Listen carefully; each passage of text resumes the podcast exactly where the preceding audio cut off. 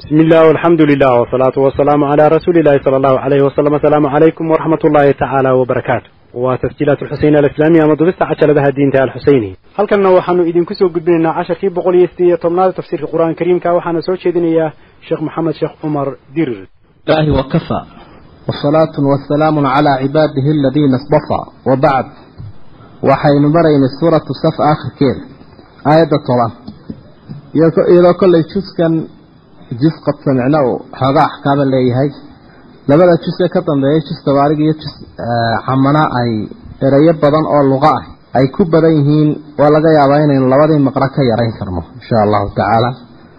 Oo maqro iyo inuu iska gaari karo.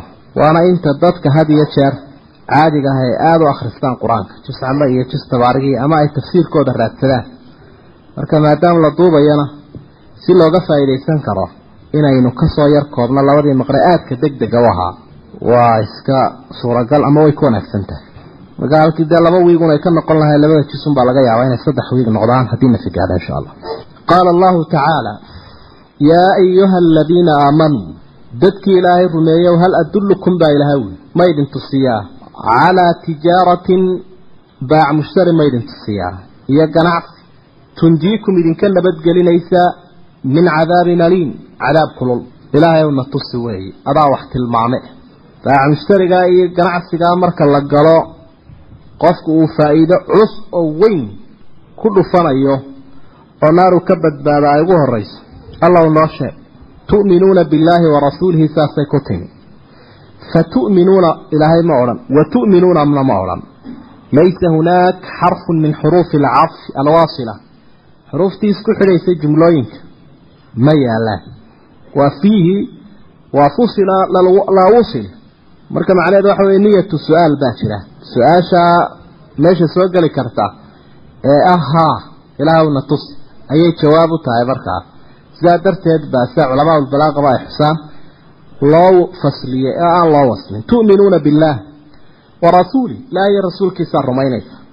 Rasuulka la rumeeyaana rasushii ilaahay oo dhanba waa la rumeeyey wa tujaahiduuna fii sabiili illaahi waxa aad ku dagaalamaysaan ilaahay jidkiisa biamwaalikum wa anfusikum dadkiina iyo dunyadiinaba nafya maal midna ma lexe jeclaysanaysaan laa shuxun walaa bukhlun laa takuunuun ma noqonaysaan kuwo bakhaylnimo sameeyo shaxiixnimo toona naftoo lagu adaygo shaxiixnimo maalkoo lagu adaygana waa bakhaylnimo midna iska daaya daalikum khayrun lakum taasaa idiin wanaagsan in kuntum taclamuun haddii aad garanaysaan baa ilaah marka jihaadku dee inuu fiqi dhan leeyahay kutub ka hadasho uu leeyahay oo fuqahadu had iyo jeer waxay u dhigaan kitaabu ljihaadi wasiyar kitaab dhan oo la yidhaahdo. Oo sida fiqiga salaadoo kale ayuu leeyahay. Macnaha xukumkiisa cidda uu ku waajibayo. Ahdaafta loo dagaalamayo sababaha jihaadka keena samarada iyo midhaha jihaadka ka soo baxaya waktiga uu fardulcayn yahay iyo waktiga uu fardulkifaaye yahay iyo ummadda cidda uu ku waajibayo intoo dhan ba waa arrin u wada yaalo dadka muslimiinta oo dhan. Ay mudan tahayna ciddii wax fahmaysa inay ku baraarujiso. Dadka muslimiinta ah mas'uuliyiintooduna halkii nabiga u taagayn calayhi salaatu wasalaam inay u ogaan dadka muslimiinta ah jihaadka. Raciyaduna ay ku dabagasho oo wakhtiyadu waajibayay ka mid tahay marka dalka muslimiinta lagu soo doolo dadka muslimiinta la istidcaafsanayo la adoonsanayo iyo wakhtiga istinfaar caama uu sameeyo macnaha bixitaan guud marka uu amro cidda mas'uuliyiinta ummadda u ah ay faraan. Wakhtiyaashaasuu fardulcayn noqonayaa jihaadkii. Marka waktinaba istaagi maayo. Meeluu ku dhammaanayaa ma jiro aljihaadu maadin ilaa yowmi alqiyaama ilaa qiyaamaha wuu soconaya. Wax casriyah iyo in laga ilbaxayo iyo ma taallo. Cadaawaddii gaalkuna way taallaa.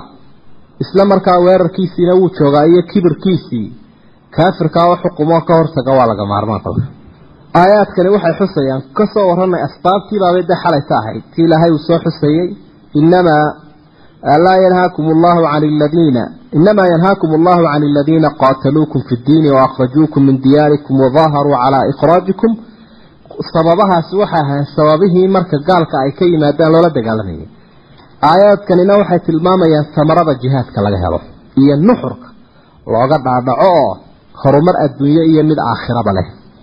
Ayaa laga gaarayaa taasaana markaa ilaahay u xusay. Usluubka ama habka ilaahay u soo dhigayna sida uu inoo jeclaysiinayo wuxuu u soo dhigay bahashaa tijaarada la yidhahdo loo mara tuuro darteed. Salaad iyo soom iyo diinba dadku uga tegeen oo shuqligeedu uu badan yahay oo riixeedu marar badan qofku waxaanu filayni uu kaga soo baxo. Oo aada aragtay suuradda soo socota alla wuxuuhi wa idaa ra'aw tijaaratan aw lahwan infaduu ilayha. Mar alla markay tijaaro arkaan yaacaba. Baashii dhagaca looga siinayay xaggeeda loo yaacayay halkan ay ku jirtaabaa ilaha wey tijaaraduna had iyo jeer waktiyaday dadku sii jecelyihin waa waktiga mawsimka. Marka uu qofku sanadkao dhan ha iska fadhiya hal mar uu ku dhufanayo. Waktigaasu aada u xiiseynaya u leeyay ku seegin waktigeedii waa kan mawsimkeedii. Tijaaradaasi qofka muslimkaahi tijaaru ku jira. Gaalkuna tijaaru ku jira. Suuratu lbaqara bilowgeeda akhri famaa rabixat tijaaratuhum wamaa kaanuu muhtadiin bacmsarigaa way ku khasaareen iyo ganacsiga ay galeen halkana ilaahay dadka muslimiinta tijaaru u soo bandhigay iib inay galeen baa uu xusay qur'aanku dadka muslimiinta markuu jihaadka ilaahay ka warramaya ina allaha ishtaraa min almu'miniina anfusahum wa amwaalahum biana lahum ljanna iyaguna waxbay bixiyeen oo nafiya maala sida halkan ba ilahay uu ku xusay oo ilaahay aayadka waa kaa ilaahay ku sii fasira yuqaatiluuna fii sabiili illaahi fayaqtuluuna wayuqtaluun wacdan calayh ballan ilaahay uu qaaday midhaha markaa laga goosanayo waxaa ka mida sidaa ilaahayba uu tilmaamay dalikum khayru lakum. Taasaa idiin wanaagsan in kuntum taclamuun khayriyadan ilaahay uu tilmaamay ama khayr badnaantani. Adduunyada qura kuma koobna waa adduuniya aakhiraba aakhiro qurana kuma koobna laakiin waa labadaba yakfir lakum dunuubakum dembigiinu ilaahay idin dhaafi midhihii baynu wadnaa laga goosanayo iyo fawaaidka wayudkilkum jannaatin tajri min taxtiha alanhaar.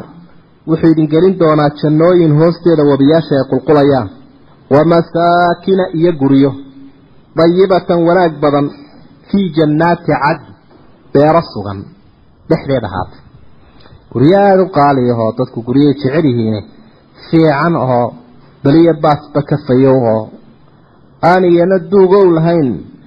Aan dadkuna ka tegayn dayiba fii jannaati cadni ku sugan kuwaasina waa midhaha jihaad ku helaysaan dalika alfawzu alcadiim. Kaasaa liibaan weyna sidaasaa marka qof dadkii ay u heleen raali noqoshihii ilaahay iyo jannadiisi waxa ay xasiliyeen xuba allaahi wa ridwaanihi wa jannatih adduunyadana wa ukhraa tuxibuunaha baa ilahay wuli tug kale oo jeceshihiinna waa leedihiin taasoo nasrun min allah. Gargaar ilaahay xaggiisa ka ahaaday. Iyo wa fatxun qariib. Furitaan dhow oo meeshaa cadowga isku hayseen aa ka furanaysaan. Wabashir ilmu'miniin dadka alla rumaysana ilaahay ka tala qaatay. U bushaaree iyadoo arrimahaa horeba ay khayr badan yihiin. Iyadoo arrimahaa horeba qofka mu'minka ahay uu jecel yahay. Haddana intaan aakhiro la gaadhin dadku waxa ay jecel yihiin adduunyadan waxaa la yidhaahda guusha iyo cisiga iyo horumarka iyo awoodda. Intaasay aada u jecel yihiin. Marka arrinta aakhiro waa mid dadka indheergaradka ah oo gaara u muuqata. Laakiin arrinta adduunye ee dadku ay ka wada midaysan yihiin waxa weeye tan u muuqanaysa indhaha ay ku hayaan war yaa gacan sarreeyey yaa guulle dhaqaale awood siyaasad horumar yaa leh taa markaa dadku ay sidaa darteed baa ilahay tuxibuunaha uu raaciyey. Tan caajilkaa dadku aada bay u sii jecel mid la wada xiisaynayo wey mid higsi keenaysa weeyaan marka ay xasisho iyadu gargaarkaasi dad kalena inay soo higsadaan bay keenaysaa. Wa ukhraa tuxibuunaha saa darteed baa ilahay wuxu markaynu soo ururnay sida suuratu tawba alla uu ku xusay waa ixda alxusnayeyn qofka muuminka ah ama dadka islaamka ay kolka ay awoodooda oo iimaan hogaaminayo oo ay midaysan yihiin kolka ay ku jihaad galaan waxa ay runtii helayaan ixda alxusnayeyn dhanna ku iilan maayaan. Inay janno helaan iyo inay nasrigan ilaahay uu sheegay helaan. Qur'aanku saas isu fasiraya. Nasrun min allahi wa fatxun qariib. Ilaahay gargaar xaggiisa ka yimaada iyo furitaan dhow. Oo fatxu maka oo qura maahee laakiin waa meel alla meeshii dadka muslimiinta ahay ay diin gaarsiinayeen oo ay furtaan. Dadka ilaahay rumeeyeyna u bushaaray saasaa alla uu tilmaamay. Tabaaraka wa tacala samaradii jihaadku waa kuwa jihaadku keligan inaguma waajib ahayn. Xaq iyo baatilna weligood way soo jireen waanay soo legdamayeen tusaale aynahay uuna siiye waxau uhi yaa ayuha aladiina aamanuu dadkii ilaahay rumeeyo kunuu waxa ahaataan ansaar allah kuwa ilaahay u hiiliya. Ilaahay waaba kan yidhi nasrun min allaahi waa ilaahay rusushiisa iyo diintiisa iyo xaqiisoo loo hiiliyo. Taasaa hiilin u ah. Kamaa qaala ciise bnu maryam ciisihiina maryamo ahaa sidii uu ugu yidhi lilxawaariyiin nimankii isaga xoojiyayaasha iyo taageerayaasha u ahaa muxuu ku yidhi man ansaarii ila allah. Man ansaarii yaa ii hiilinaya ila allah ilaa diin illaah wa ilaa janbi ilaahay xaggiisa aynu u wada soconnaaye ilaahay xaqiisa yaa igu garab galaya buu leeyahy liajli illaah rabbi dartii yaa igu hiilinaya. Qaala alxawaariyuuna nimankii magacaa la odhan jiray baa yidhi naxnu ansaaru allah annagaa ilaahay u hiilinayna fa aamanat way rumaysay daa'ifatun min banii israa'iil. Koox reer banu israa'iili way rumeeyeen ciise iyo xaqiiba. Wa kafarat daa'ifa. Kooxina way gaalowday fa ayadnaa waanu xoojinay. Aladiina aamanuu kuwii alla rumeeyey calaa caduwihim. Cadowgoodii baanu ka guud marinay oo ay ka gacan sarreeyeen. Fa asbaxuu daahiriin. Waxay noqdeen kuwo ka xoog batay. Marka sidaasaa naska ilaahay ummadda ugu guubaabinaya waxaa la leeyahay saraacan iyo loolankani waa soo jiray. Labadan isu bidka ah ee isu dhacaya iska horjeeda waa soo socdeen. Shaydaanku ehelkiisu soo gujinayo dabada uu ka soo riixayay. Rusushuna atbaacdooda ayay xaqa iyo iftiinkiisa ku horkacayeen marka ciise bnu maryamba xawaariyiintii way hiiliyeen idinkuna xawaariyiintii rasuulka noqda sala allahu calayhi wasalam sidaasaanuu nebigu tilmaamo wuxuu ihi nebi waliba xawaari buu leeyahy xoojiye iyo taageero culus wa xawaariyii zubayr. Xawaarigayga ii hiilinayaana waa zubayr buu. Meelka ka baqay markii uu isagu dhaqaaqay. Marka xawaariga macnayaal dhowraa lagu fasiray niman cadcad bay ahaayeen niman cayn kale ahaayeen laakiin markaynu xadiidka aynu soo qaadano eegno alxawaariyuun hum lansaar ayaa markaa macnaha xadiis ka baxaya noqonaya. Xawaarigu waa hiiliyaha taageeraha culus. Ee miisaan kale la hinjinaynin ayaa xawaari lagu magacaaba. Ciise xawaariyiintaasuna idinkuna xawaariyiintii nebiga noqda. Marka usluubka tashbiihu kunuu ansaar allahi noqda. Kamaa kaana alxawaariyuuna ansaara ciisa. Macnuusa kamaa qaala ciise bnu maryam. Ciise sidii uu xawaariyiinta ugu yidhi sidaa iyo sidaa waxa ka soo baxay idinku xawaariyiin noqda. Kamaa kaana alxawaari ansaar noqda baan ujeeda kamaa kaana alxawaariyuuna ansaara ciisa. Sidii nimankii xawaariyiintiiba ay u noqdeen ansaartii ciise xawaari caynka loogu magacaabayna waa sidaas weeyaan. Waana kuwii ku diriiraya ku dagaalamayay markii guriga lagu hor joogsaday. Reer banu israa'iil ay yidhahdeen aan dilno. Ee dabeetana ilaahay uu ka dhex qaaday ee caalamka kale uu rafciyey ee mid lagu shabahay ay dileen. Waa halka ay ka daliishadeen ilaa maanta karooskan iyo saliibkan halka ay ka soo qaateen waa halka ciisa la dilay dabeetana karooskiibay muuqaalkiis ku sii muujinaya fa aamana daa'ifatu min bani israa'iila wa kafara daa'ifa sidaasay u qaybsanaayeenoo inta mu'miniintii waa xawaaridii inta gaalowdayna waa inta faraaraa sii yeelan ee afkaartoodii iyo madaahiftoodu ay kala duwan yihiin. Ee uu nabigu tilmaamay calayhi salaatu wasalaam qaybahoodu inay gaarayeen ilaa labiyo toddobaatan qaybood ama saddexiyo toddobaatan yahuud iyo nasaarada. Qaarba iyaday wax sheegayaan ilaahnimadu waa ciise maya waa isagiiyo hooyadii iyo ruuxulqudus qoloba wax faayadna aladiina aamanuu calaa caduwihim kuwan mu'miniinta ah ee ilaahay uu u hiiliyey ee kuwii kale ka adkaaday ee daahiriinta noqday waa intii mu'miniinta ahay waa intaan laga awood badan amaba awooddu ma aha oo keliya gacanta iyo cududda laakiin cilmiga iyo xujada iyo xaqa oo qofku uu haystaa waxay tahay inuu awood badan yihiin oo uu sarreeyo taa laftigeedu waa waa duhuurka iyo ta'yiidka ilaahay uu siiye wey oo markay xujo iyo xaq isu hor kuwana xoog badnaa faayadna aladiina aamanuu dadkan mu'miniinta ah ee ilaahay uu xoojiyey culimada qaar badan baa waxay ku fasireen asxaabta nebiga calayhi salaatu wasalaam iyo dadka mu'miniinta ah. Dadka mu'miniinta ah haddii reer banu israa'iil sida arrinkoodii uu noqday oo ay qaybsameen oo ciise bnu maryamna qaar u gargaareen wakhtigaa laga soo gudub markaasaa ilaahay uu hiiliyey dadkii mu'miniinta ahaa ee yuhuuddaasi iyo nasaaradaasi garabkooda ay ka baxeen ee nebi maxamed rumeeyey ilaahay baa u hiiliyey waa kuwa cid walba ka soo hoyday. Suuraddan labiyo lixdanaad aayadaheedu waa koob iyo toban suuratuljumuca jumucadaa loogu magac bixiyey qaybta qaybteeda dambea ilaahay jumcada uu ku soo qaaday.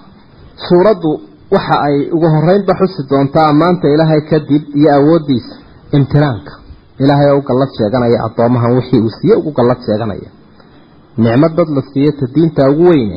Ilaahay dadkan iyagoo hallawa oo meel saxaraa iska taagtaagan. Caalamkana gudcurku ku baahsan yahay. Ayuu rasuulkan iyo kitaabkan ayuu u keenay. Carab baa loo keenay cajan baa loo keenay caalamkao dhan baa loo keenay iyo mid hore iyo mid dambeba. Waa fadli ilaahay saa nasku uu xusayo. Haddaba aayaadku waxay guwaabinayaan in fadligaa ilaahay iyo nicmadan la calfado oo aan laga kadab go-in sidii nimankan yuhuudi ay noqdeen nimankan intoo kutubtii iyo diintii ilaahay uu siiyey ka noqday dameer kutub sida oo kale ka noqday. Sidaa inaan laga noqonin oon diinta laga qalalinin laakiin lagu qoyo oo kitaabkii iyo waxigu dadka ay anfacaan yusabixu lilaah bismi illaahi araxmaani araxiim yusabixu lilaahi ilaahay waxaa u tasbiixsanaya maa fi samaawaati wamaa fi lard samooyinka iyo dhulkaba waxa ku sugan. Maa la yidhi man lama odhane waa maa macnaheedu waxa weeye oo inta badan loo isticmaalaba wixii aan caqli lahayn wixii aan noolaba ahayn hadduu doonayo. Wain min shayin ilaa yusabixu bixamdi walaakin laa tafqahuuna tasbiixahum. Tasbiixdoodu baynaan garanaynina waxaan ama noolaha ama jaamidaadka wax ilaahay ka gaaloobayaa ma jiro.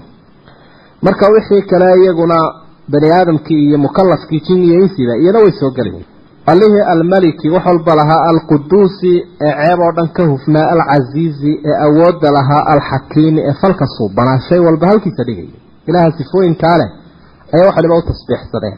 Sifooyinkaasina waxay kuu sheegeen ood ka aragto lagu caddeeyey inuu tasbiixdii iyo ammaantaba ehel u yihi marka awooddiisa abuurka hadduu yeeshay awoodda ama nidaam waxaan leeyahay xagga nicmaynta addoomaha uu u nicmeeyey ayaa ilaahay u xusay ee diin ugu nicmeeyey iyo aqoon iyo jahli uu ka saaray.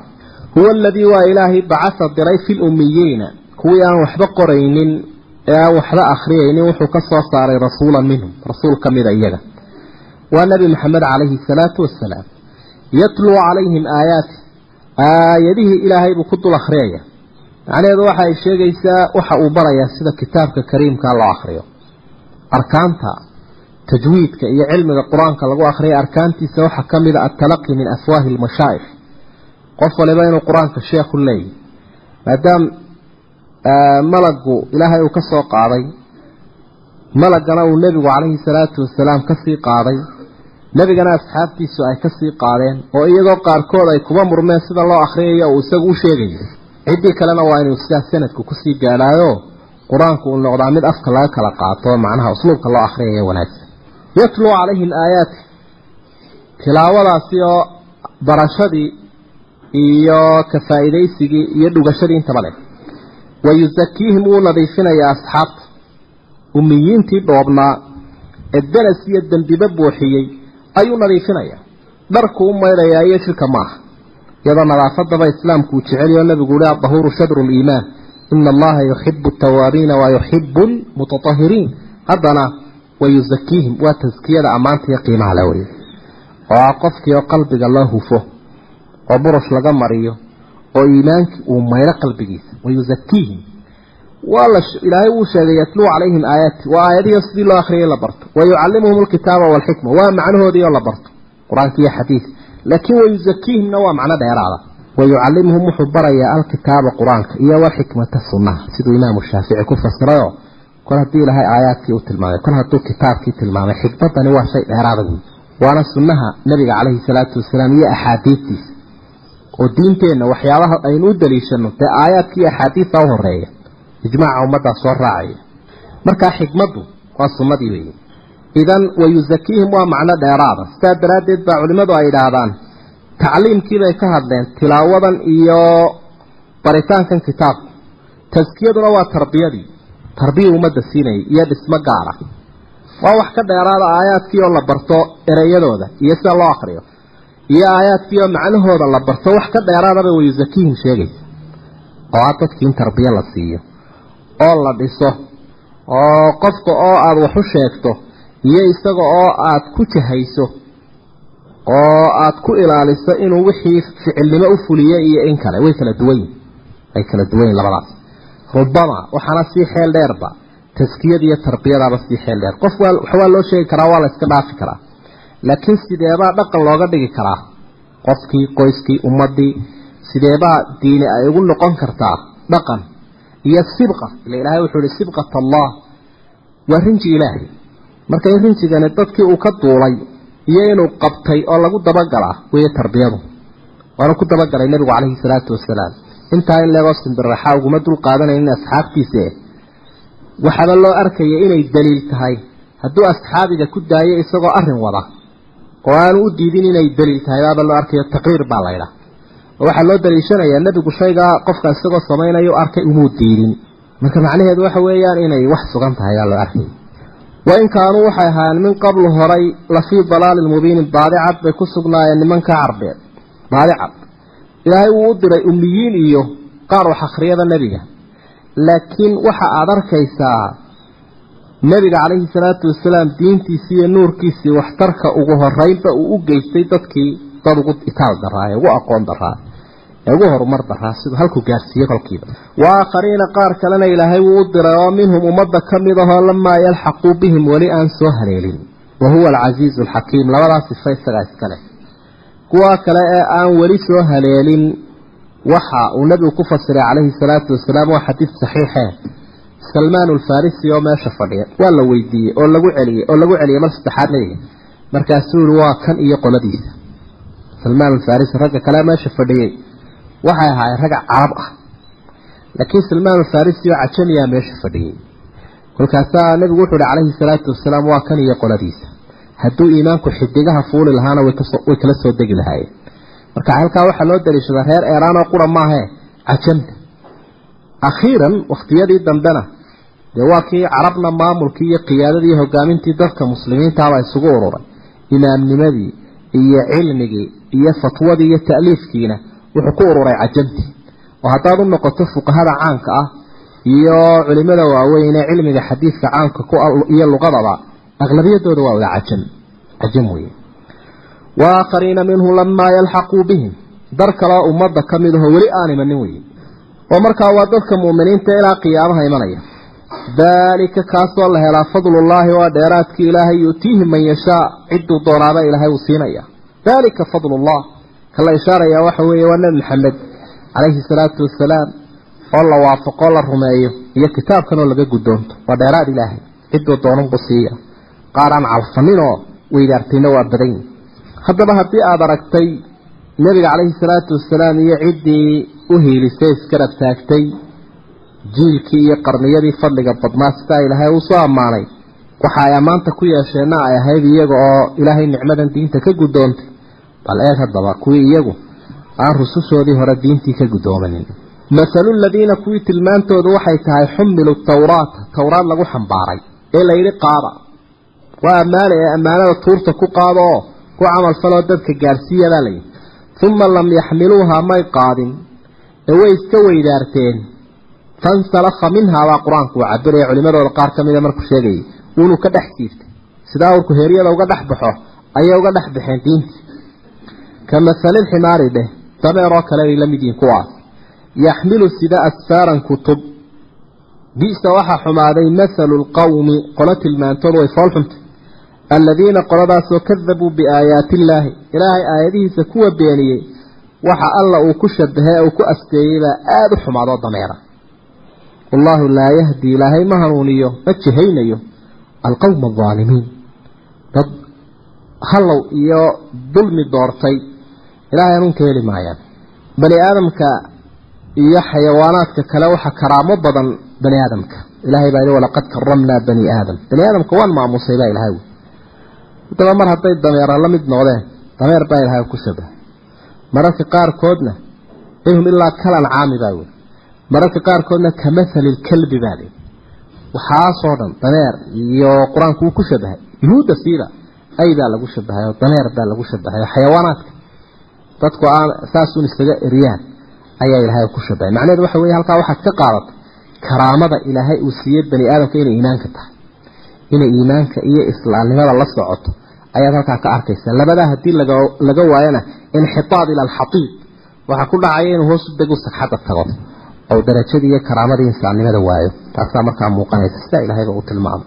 Weligoodba waxay doonayaan iyagu ha sheegteene waa dameerkaas weeye. Dameerkuna waxa uu ka yahay xayawaanada. Marka had iyo jeer laga warramayo waxa baliidka ah. Ee aan fatinka iyo fariidka ahayn marka laga warramaya dameer la sheegaa dameerkani wuxuu sidaa asfaar kutub cilmi badan iyo khayr badan uu ku qoran yihi ma garanayo wax sida dameer ma labsidaynu inabani dhaa waa dameer kutub sida waxba kama garanayo. Wuxuunay tilmaamaysaa qofka ilaahay uu islaam ka dhigay ama diintan la siiyey ee saluuga ee qawada ee wax kale door bida iyadiina ka soo dulbooda. Ummadda haddii taasi ay ku dhacdo muuqaalkooda waa kaa.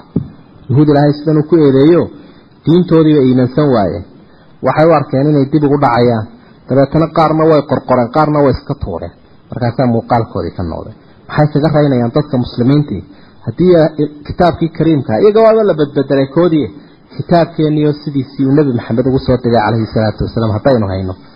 Oo sunnadiisii iyo xikmaddaa ilaahay uu noogu mano sheegtay oo la kala haadiyey oo inteedii saafiga ahayd saxiix ahayd aynu hayno. Iyana aynoo qorantay taallo oo aynu iska weydaarano qaybina waxay iska raacaysaa xeerarkooda ay dejisteen. Oo waa dadkeenna dee iska xeerka aynoo gaarka aynu sheegayno qayb kalena waxay iska raacaysaa oo iyaguna isxariifiyey xeer ay yidhahdeen waa lagu reer magaaloodaa waa lagu caalamiyoodaa ayaa iyaguna siyaasada iyo dhaqaale iyo dhan walba loo soo qaatay. Marka cumuuman dee waa kamathali ximaari yaxmilu asfaaran ile waxaa lagu eedeeyey diintii ay qawadeen. Dadka muslimiintaana haddii tani ku dhacda guuldaradani way jirtaa qul waxaad tidhaa nebi maxamedow yaa ayuha aladiina haaduu kuwii yuhuudoobayow in zacamtum haddaad sheegteen annakum idinku awliyaau lilaah inaa ilaahay u tihiin kuwo xigto ah oo macnaha uu jecel yahay haddaad taa ku doodeen min duuni innaasi dadka kale la'aantood haddaad leedihiin dadka kale ilaahay awliye uma ah ee annaga ayaa awliye u ah. Ila waasay yidhaahdeene fatamanawu lmowta geerida jeclaysta geerida u gacan haadiya in kuntum saadiqiina haddaad run sheegaysaan ilaahay baanu awliye u nahay. Dadka kalena alla way ka durugsan yihiin haddaad taa ku run sheegteen geerida u yeedha ilaahay baa asraartoodii sheego waxau uhi walaa yatamanawnahu abadan. Weligood tamaniyi maayaan weligood ku hindisi maayaan geeri. Oo geeri ma sugayaanoo ma jeclaysanayaan bimaa qadamat aydiihim gacmahoodu waxa ay horumarsadeena dembiya darti wallahu caliimun biaalimiin ilaahay u ogii dulmi falayaasha caliimun bihim caliimun bihaa-ulaai midna ma odhana caliimun biaalimiin bu aalimiinta la sheegayaana waaba kuwan. Iyagoo acdaadii ilaahay ah cadowgii ilaahay iyagoo abay sheeganayaan. Inay yihiin awliyadii ilaahay.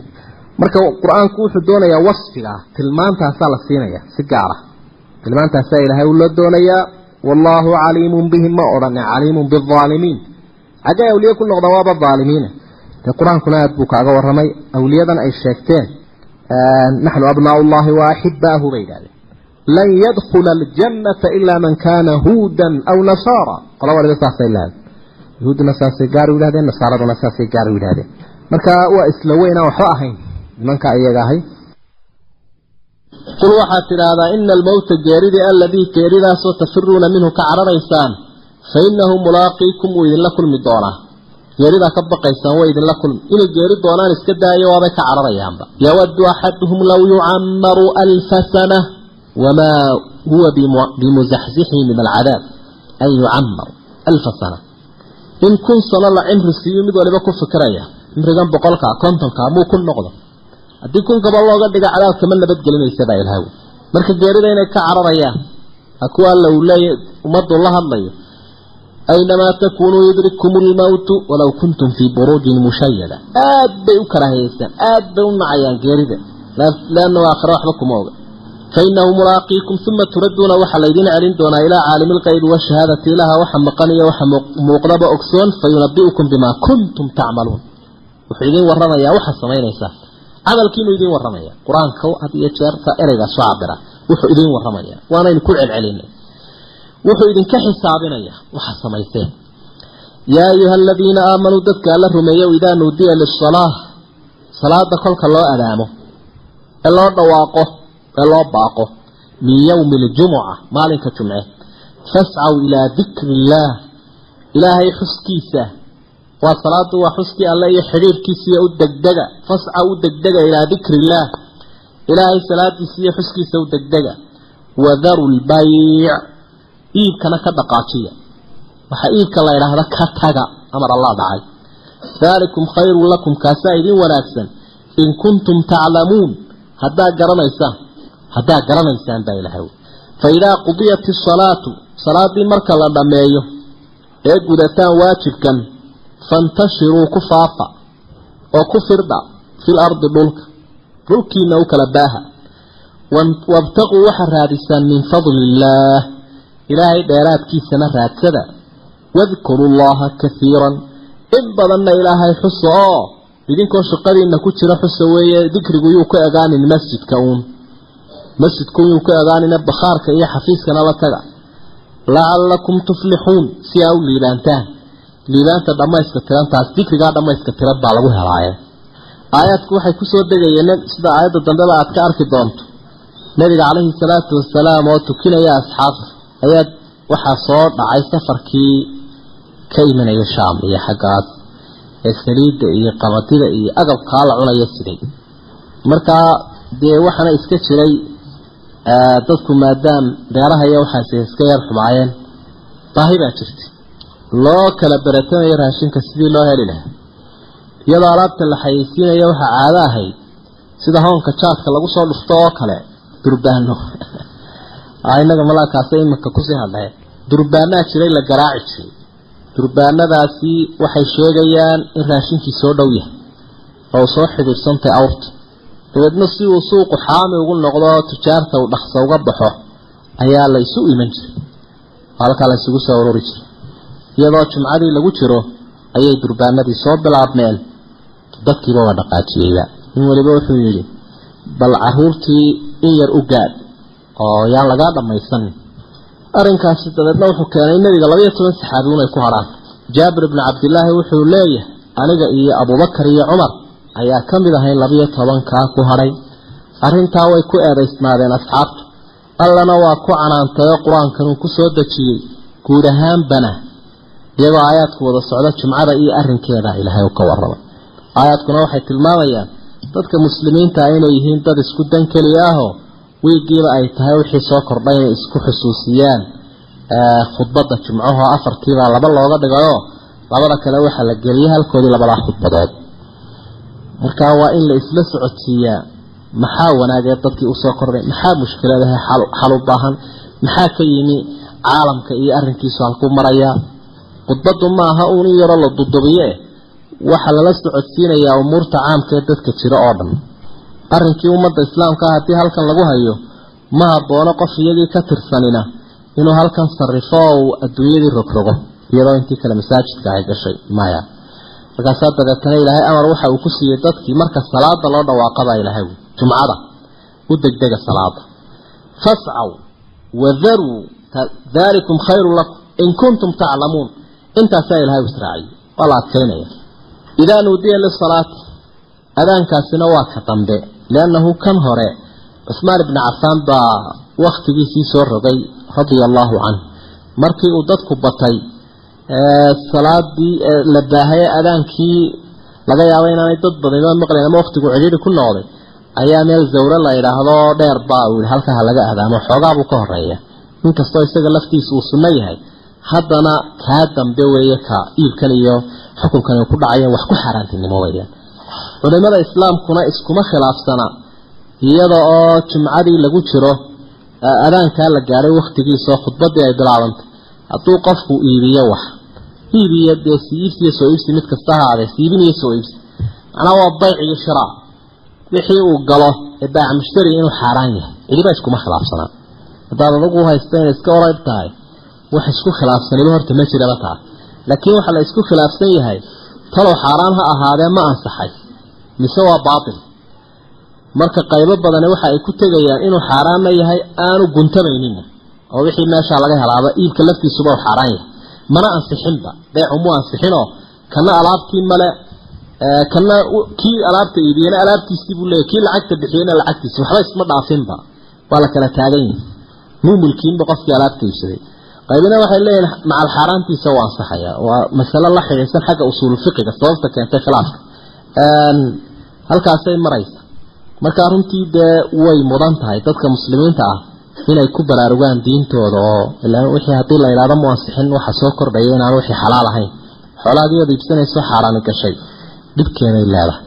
Marka waktigaa haba marka laga eego labada khudbadood iyo labada ragcadood intee daqiiqay qaadan karaa waa shan iyo toban iyo toban salaada shan iyo labaatan mirir wixii ku dhaafaya ha ku dhaafo intaa wixii aad qabqaban lahayd ha iska tago meheradaada iska soo xidho hudheelkaaga iska soo xidho hudheelka haddii aada xidho oo dabeetana salaada dabadeeda aada furto dadkunbaa xagga dambe ilaahay kaga daraya iyagunbaa kordhaya un kuwiinbaa xagga kale ka soo wareegaya. Marka cumuuman xukunkeeda kolley insaa loo ogaada aada bay muhiim u tahay. Idaa nuudiya lisalaat haddaad odhan lahay islaamuhu haayeen ama iska miskiina. Waxaan leeyahay aanu jimcadu ku waajibinoo dadaa musaafira adiga heblaayo islaanahe way dhacda ragga qaarkood oo idhaahdo islaamaha soo waariga jumcaha iibka laftiisa weeye waxa la diiday adiga maaha adigu waa tegaysa laakiin iibkiina waxa lagu leeya wadaru lbayca fascaw baa ilahay fascaw sacyiga orodkaynu u naqaanaa. Laakiin sida uu imaam xasan albasr fasirayo waa sacyun binniyati waalquluub laa sacyun cala alaqdaam. Orod xagga cagaha ah ma aha laakiin waa orod xagga niyada iyo qalbiga ah waa qofkii soo qadimaayo oo dhan si deg dega u basriya aayar isagoo shuurinaya yimaada. Waayo nabigu calayhi salaatu wasalaam wuxuu yihi calaykum bisakiinati waalwaqaar marka salaada imanaysaan xasiloonida ogaada iyo ninweynimada qofku isagoo kadlaynaya yuu imanine isagoo si fiican u soconayo degan waa inuu yimaadaa salaada fascaw ilaa dikri illaahi wadaru lbayc dalikum khayrun lakum in kuntum taclamuun.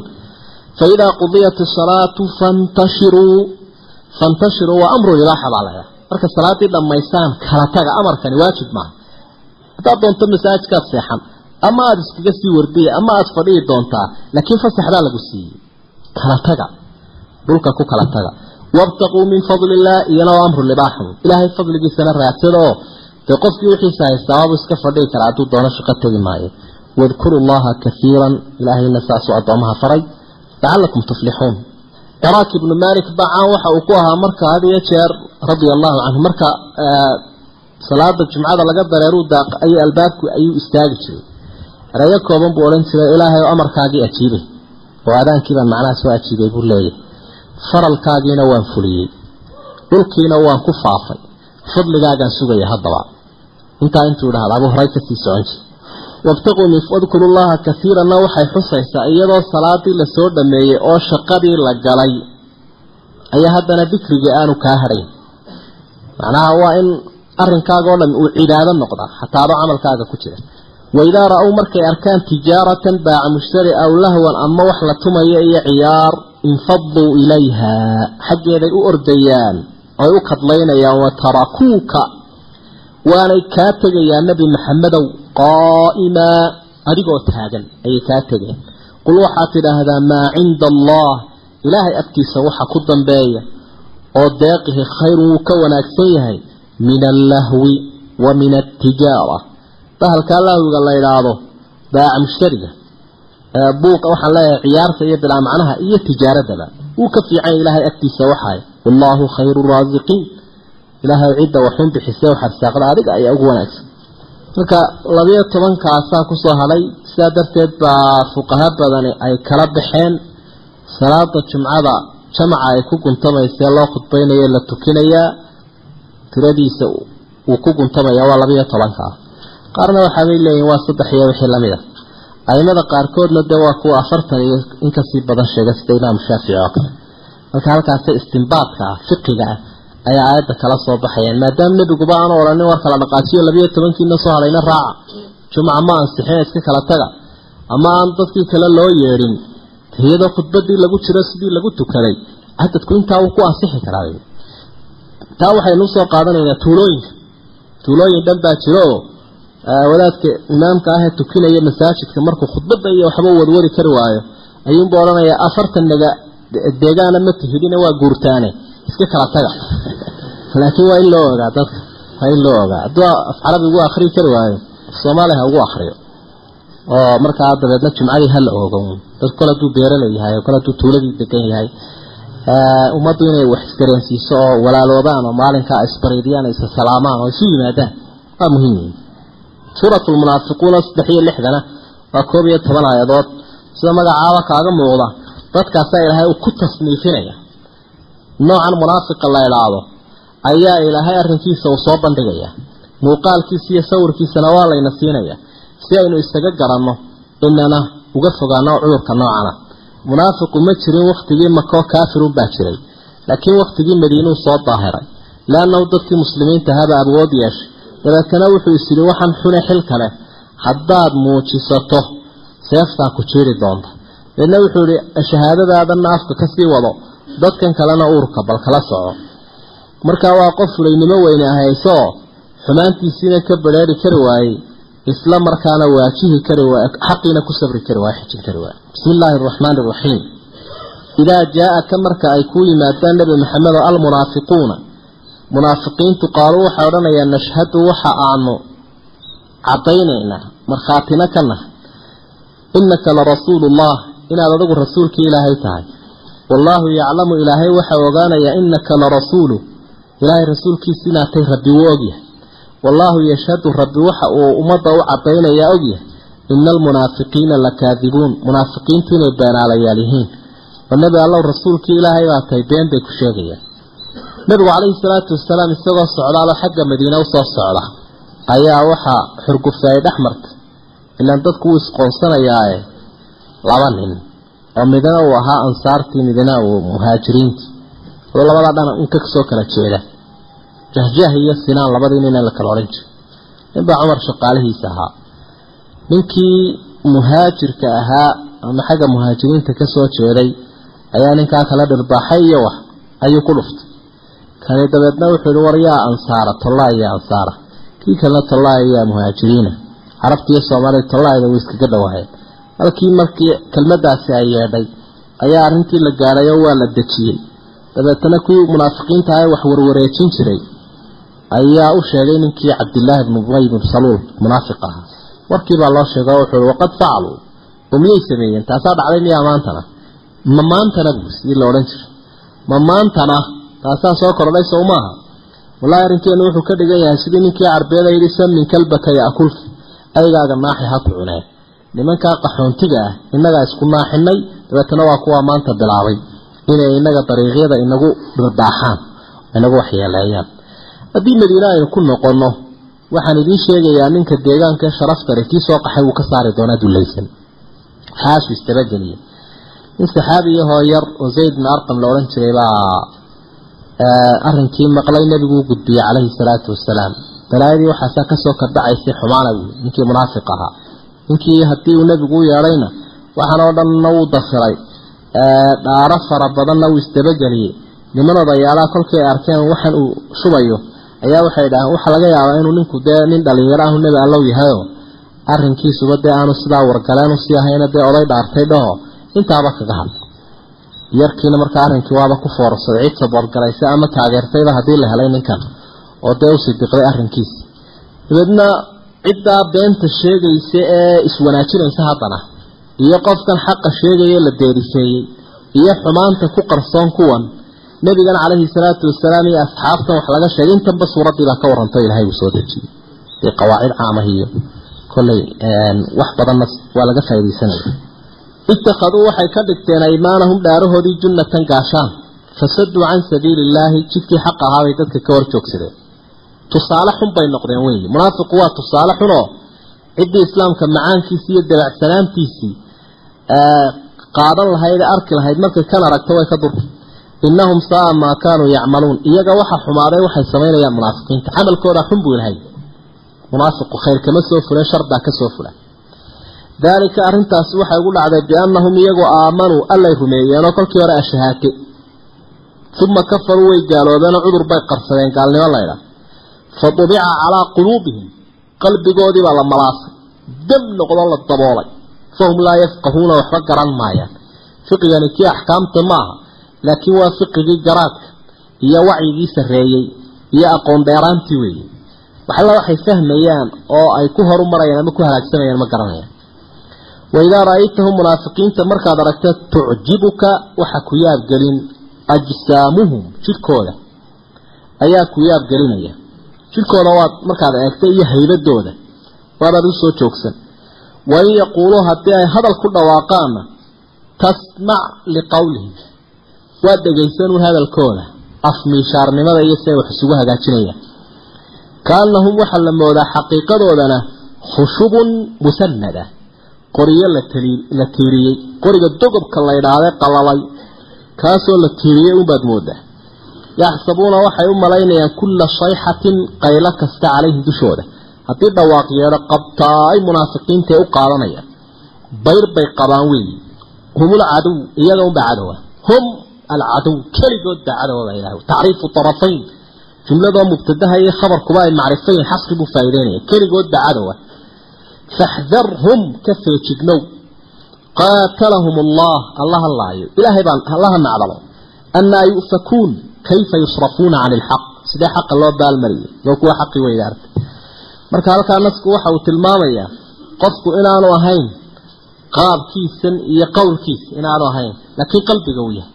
Siduu nabigu ba yihi calayhi salaatu wasalaam ina allaha laa yandur ilaa suwarikum walaa ilaa amwaalikum walaakin yanduru ilaa quluubikum wa aw kamaa qaala calayhi salaatu wasalaam. Ilaahay ma eegayo muuqaalkiinan iyo maalkiina laakiin wuxuu rabbi eegayaa qalbigiina iyo camalkiina ayaa ilahay u eegaya alaa ina fi ljasadi mudqa idaa salaxat salaxa aljasadu kullu waidaa fasadat fasada aljasadu kullu tucjibuka ajsaamuhum wain yaquuluu tasmac liqowlihim waa niman haybad leh hadalkana markay u baxaan dee dadkay ku kala seexinayaan waa mutafayhiqiin kuwa la idhaahdo markaa afmishaarina sideedabana qofku haddii aanu xalaal miirad ahayn hadalku iskama xidho sida dee waktiganba dad badani siyaasiga ay u yaqaanaan qofku waa inaanu hadalka ku fashilmin ama aanu hadalku inqilaaq samaynin oo aanu isku soo xidhin. Ee uu ka baxaa uun been iyo run iyo xalaal iyo xaraam wuxuu doonaya isku hagaajiyo. Maxaa kelmada halkan ku wanaagsan uun uu yidhaahdo? Uun taana khushuub muslimada waa xaqiiqada jirta wey dadku inaanay muuqaalka ahayn laakiin macnawiyaadka ay yihiin. Waidaa qiila lahum marka munaafiqiinta lagu idhaahdo tacaalow kaalaya istakfir lakum rasuulullah. Rasuulka ilaahay dembi dhaaf ilaahay idiin weydiiyey warbalaayaa ku dhacdeenoo been baa ayaa sheegteene. Ilaahay dembi dhaafa idiin weydiiye nebiga alla ducadiisa iyo dembi dhaafkiisa kaalaya ugu tawasula. Ile nabiga calayhi salaatu wasalaam istikfaartiisaas tawasul bay u noqonaysaa maadaamuu nool lowow waxa ay jeediyeen ru-uusahum madaxooda. Asmaroris bay bilaabeen iyo isqaloocin madaxay sidaa u dhufteenoo ma annagaad sheegaysaa tegi mayno. Saa sidii qofka markaa dudayaa odhanaya wara-aytahum waxaad arkaysaa yasuduuna iyagoo sii jeesanaya wahum mustakbiruun iyagoo isweyneynaya iyaga oo isweyneynaya sawaaun calayhim waxaa isku mid a astakfarta lahum astakfarta lahum. Ilaahay dembi dhaaf u weydiisaya. Am lam tastakfir lahum? Ama ilaahay dembi dhaaf umaad weydiininaaba lan yakfir allaahu lahum?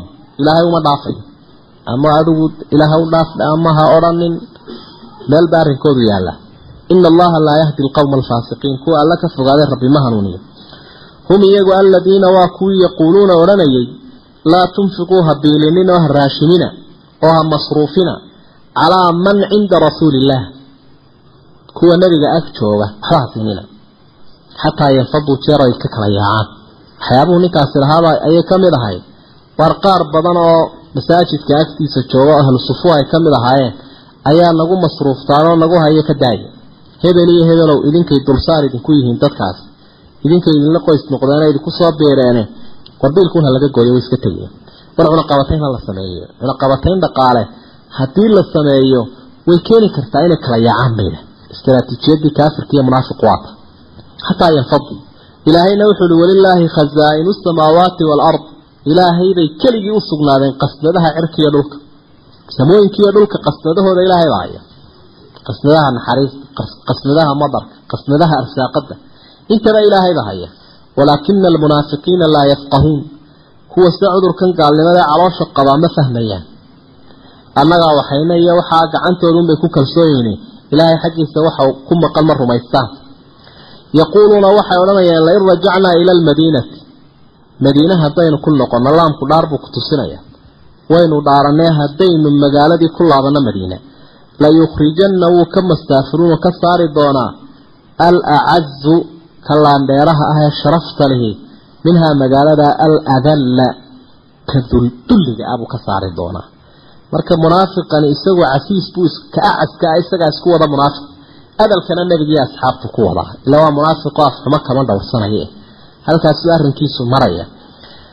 Aimada qaarkoodna waxay akhriyayeen layakrujana alacazu minha aladal layakrujana alacazu ka acaska iminka sheeganaya wuu ka bixi doonaa madiina aladalla isagoo dulaysan buu ka bixi doonaa maanta hadduu acas sheegtay nabiga asxaabtu isagoo dulaysan buu ka bixiyo waan weeraraya waxbaan anjabaad noocaas ayuu keenay sidaa daraaddeed baa ninkaasi kutubu sira sida ku qoran waxa uu dhalay nin iimaanku qanjaha uu joogo oo mu'mina oo la odhan jiray cabdillaahi bnu cabdillaahi ninkaasi dabeedna kolkii la sii dhowaaday ayuu yidhi nebigula haddaba waxa uu ku yidhi nebi allow haddii ninkaa la dilayo wax lagu dilaabuu maanta la yimi aabbada i ahay anuunbaad ii sheegaysaa dicdii kursi ka goynaysa cid kale loo diri maayo anuunbaa laygu hadlaynaya si haddii cid kale loo diro shaydaanku aanu igu soo gabano kani waa kii aabbahaa dilay. Si aanu hadhowto shaydaanku u odhanin anuunbaa kaa gacan saaraya nabiguna calayhi salaatu wasalaam waa kii iska daaya yidhi yaan la odhanin maxamed asxaabtiisii buu laynayaa arrin siyaasiyahoo guud iyo iclaamka. Warbaahinta guud baan ka jirayaa buu ihi kani cidna waxba yeeli maayo cidna joojin kari maaye. Qaar aan ogeyn aafadiisa ayaa wax ka faa'iidaysan doona maxamed asxaabtiisii buu laynayaa si aan la odhan inaga dah muu dilay nabigu calayhi salaatu wasalaam xataa xuduuddii xeer ciqaabeedka xasaan ibnu thaabit uu ka oofiyey mistaxiyo isaga markii dee caasho uu ninkani caayay isaga lagama fulin. Ninkii haddaba markuu arkay inuu nebigu aanu dilina uu daayay aabihii buu tegey kolkaasaa wuxuu ihi magaalada madiina aabbow geli maysid. Jeeroo aada caddayso oo dadka u sheegto annaka aladal wa rasuulu llahi alacaz in adiguna ka dullaysan aad tahay nebiguna ka acaskaa uu yahay.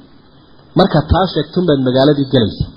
Haddii kala geli maysid ilaahu taa kaga yeerhsiiye aabihii ma gelin. Walilaahi alcizatu walirasuulih ilaahay baa uu sugnaaday cizi sharaf iyo wanaag iyo awood iyo rasuulkiisa iyo walilmu'miniin mu'miniinta.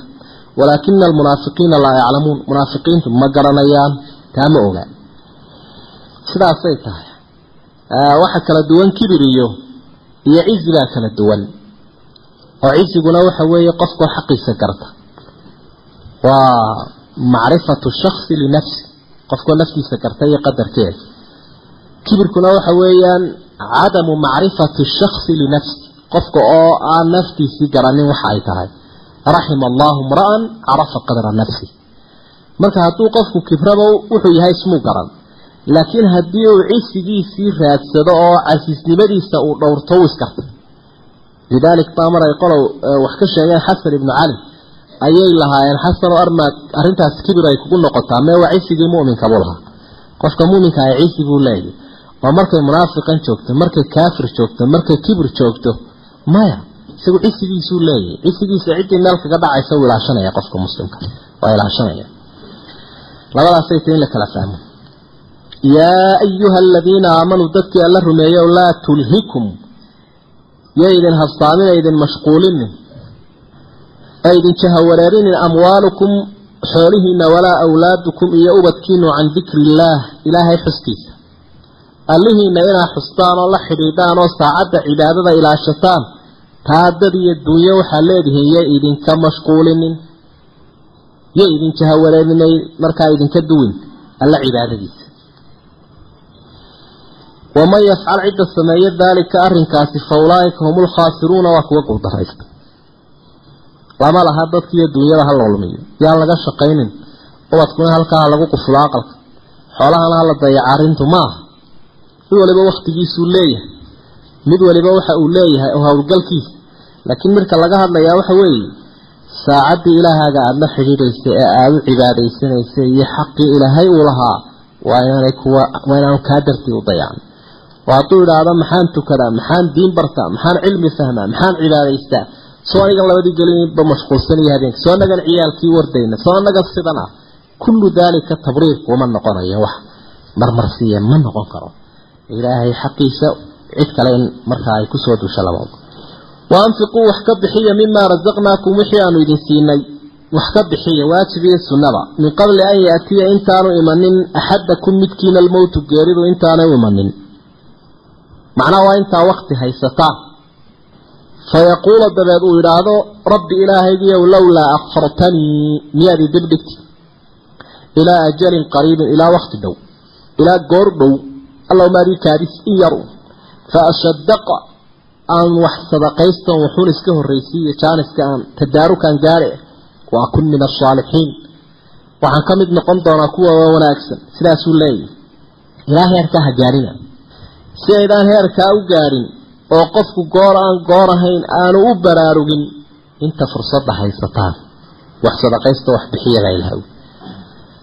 rasuulkuna sala allahu calayhi wasalam xadiidkii saxiixa waxa uu ku yihi afdalu sadaqa an tatasadaqa wa anta saxiixun shaxiixun ta'mulu alghinaa wa takhsha alfaqr. Sadaqa waxa u fiicanta aada bixinayso adoo caafimaad qaba adoo ku adaygaya faqri ka cararaya qaninimo iyo kororsi macnaa inaad wax horu maraysana ku yidi diilanaya. Markaa uu qofku isku tumtee uu isleeya dhadhankii adduunyada waad ku haysaa maanta cudur iyo da midna kuma hayo. Waad caafimaad qabtaa waad cuni karaysa oo waad ka raaxaysan karaysa. Markaa waxa uu iska jaro ayaa u fadli badan.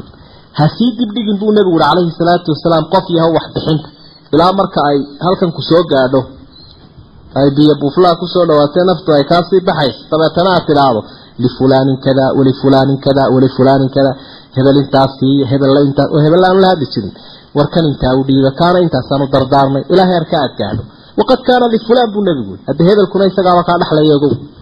Marka intaanad hebelka badinin gacantu ha furnaata buu nebigu leeya calayhi salaatu wasalaam. Waktiga in laga faaidaysto cadiyada aayadda dambe ee sheeg iyo cibaadada ilaahay saa ilaahay dikriga u xus in waktigooda laga faaidaysto oo cilmiga lagu camiro cadiyo iyo cibaado cimriga. Waa ka faaidaysigii cimriga ee farayaan walan yu-akhir allahu nafsan nafna ilaahay dibdhigi maayo idaa jaaa ajaluha goorteedu hadda ay timaado cidina u kaadin mayso wallaahu khabiirun bimaa tacmaluun ilaahay baa xogogaal u camalkaas samaynaysaan oo aanay waxba ka qabsoomayn qof waliba wixii uu qabsaday iyo wuxuu saga qaatay u ogyo uu ka abaalmaray allahu aclam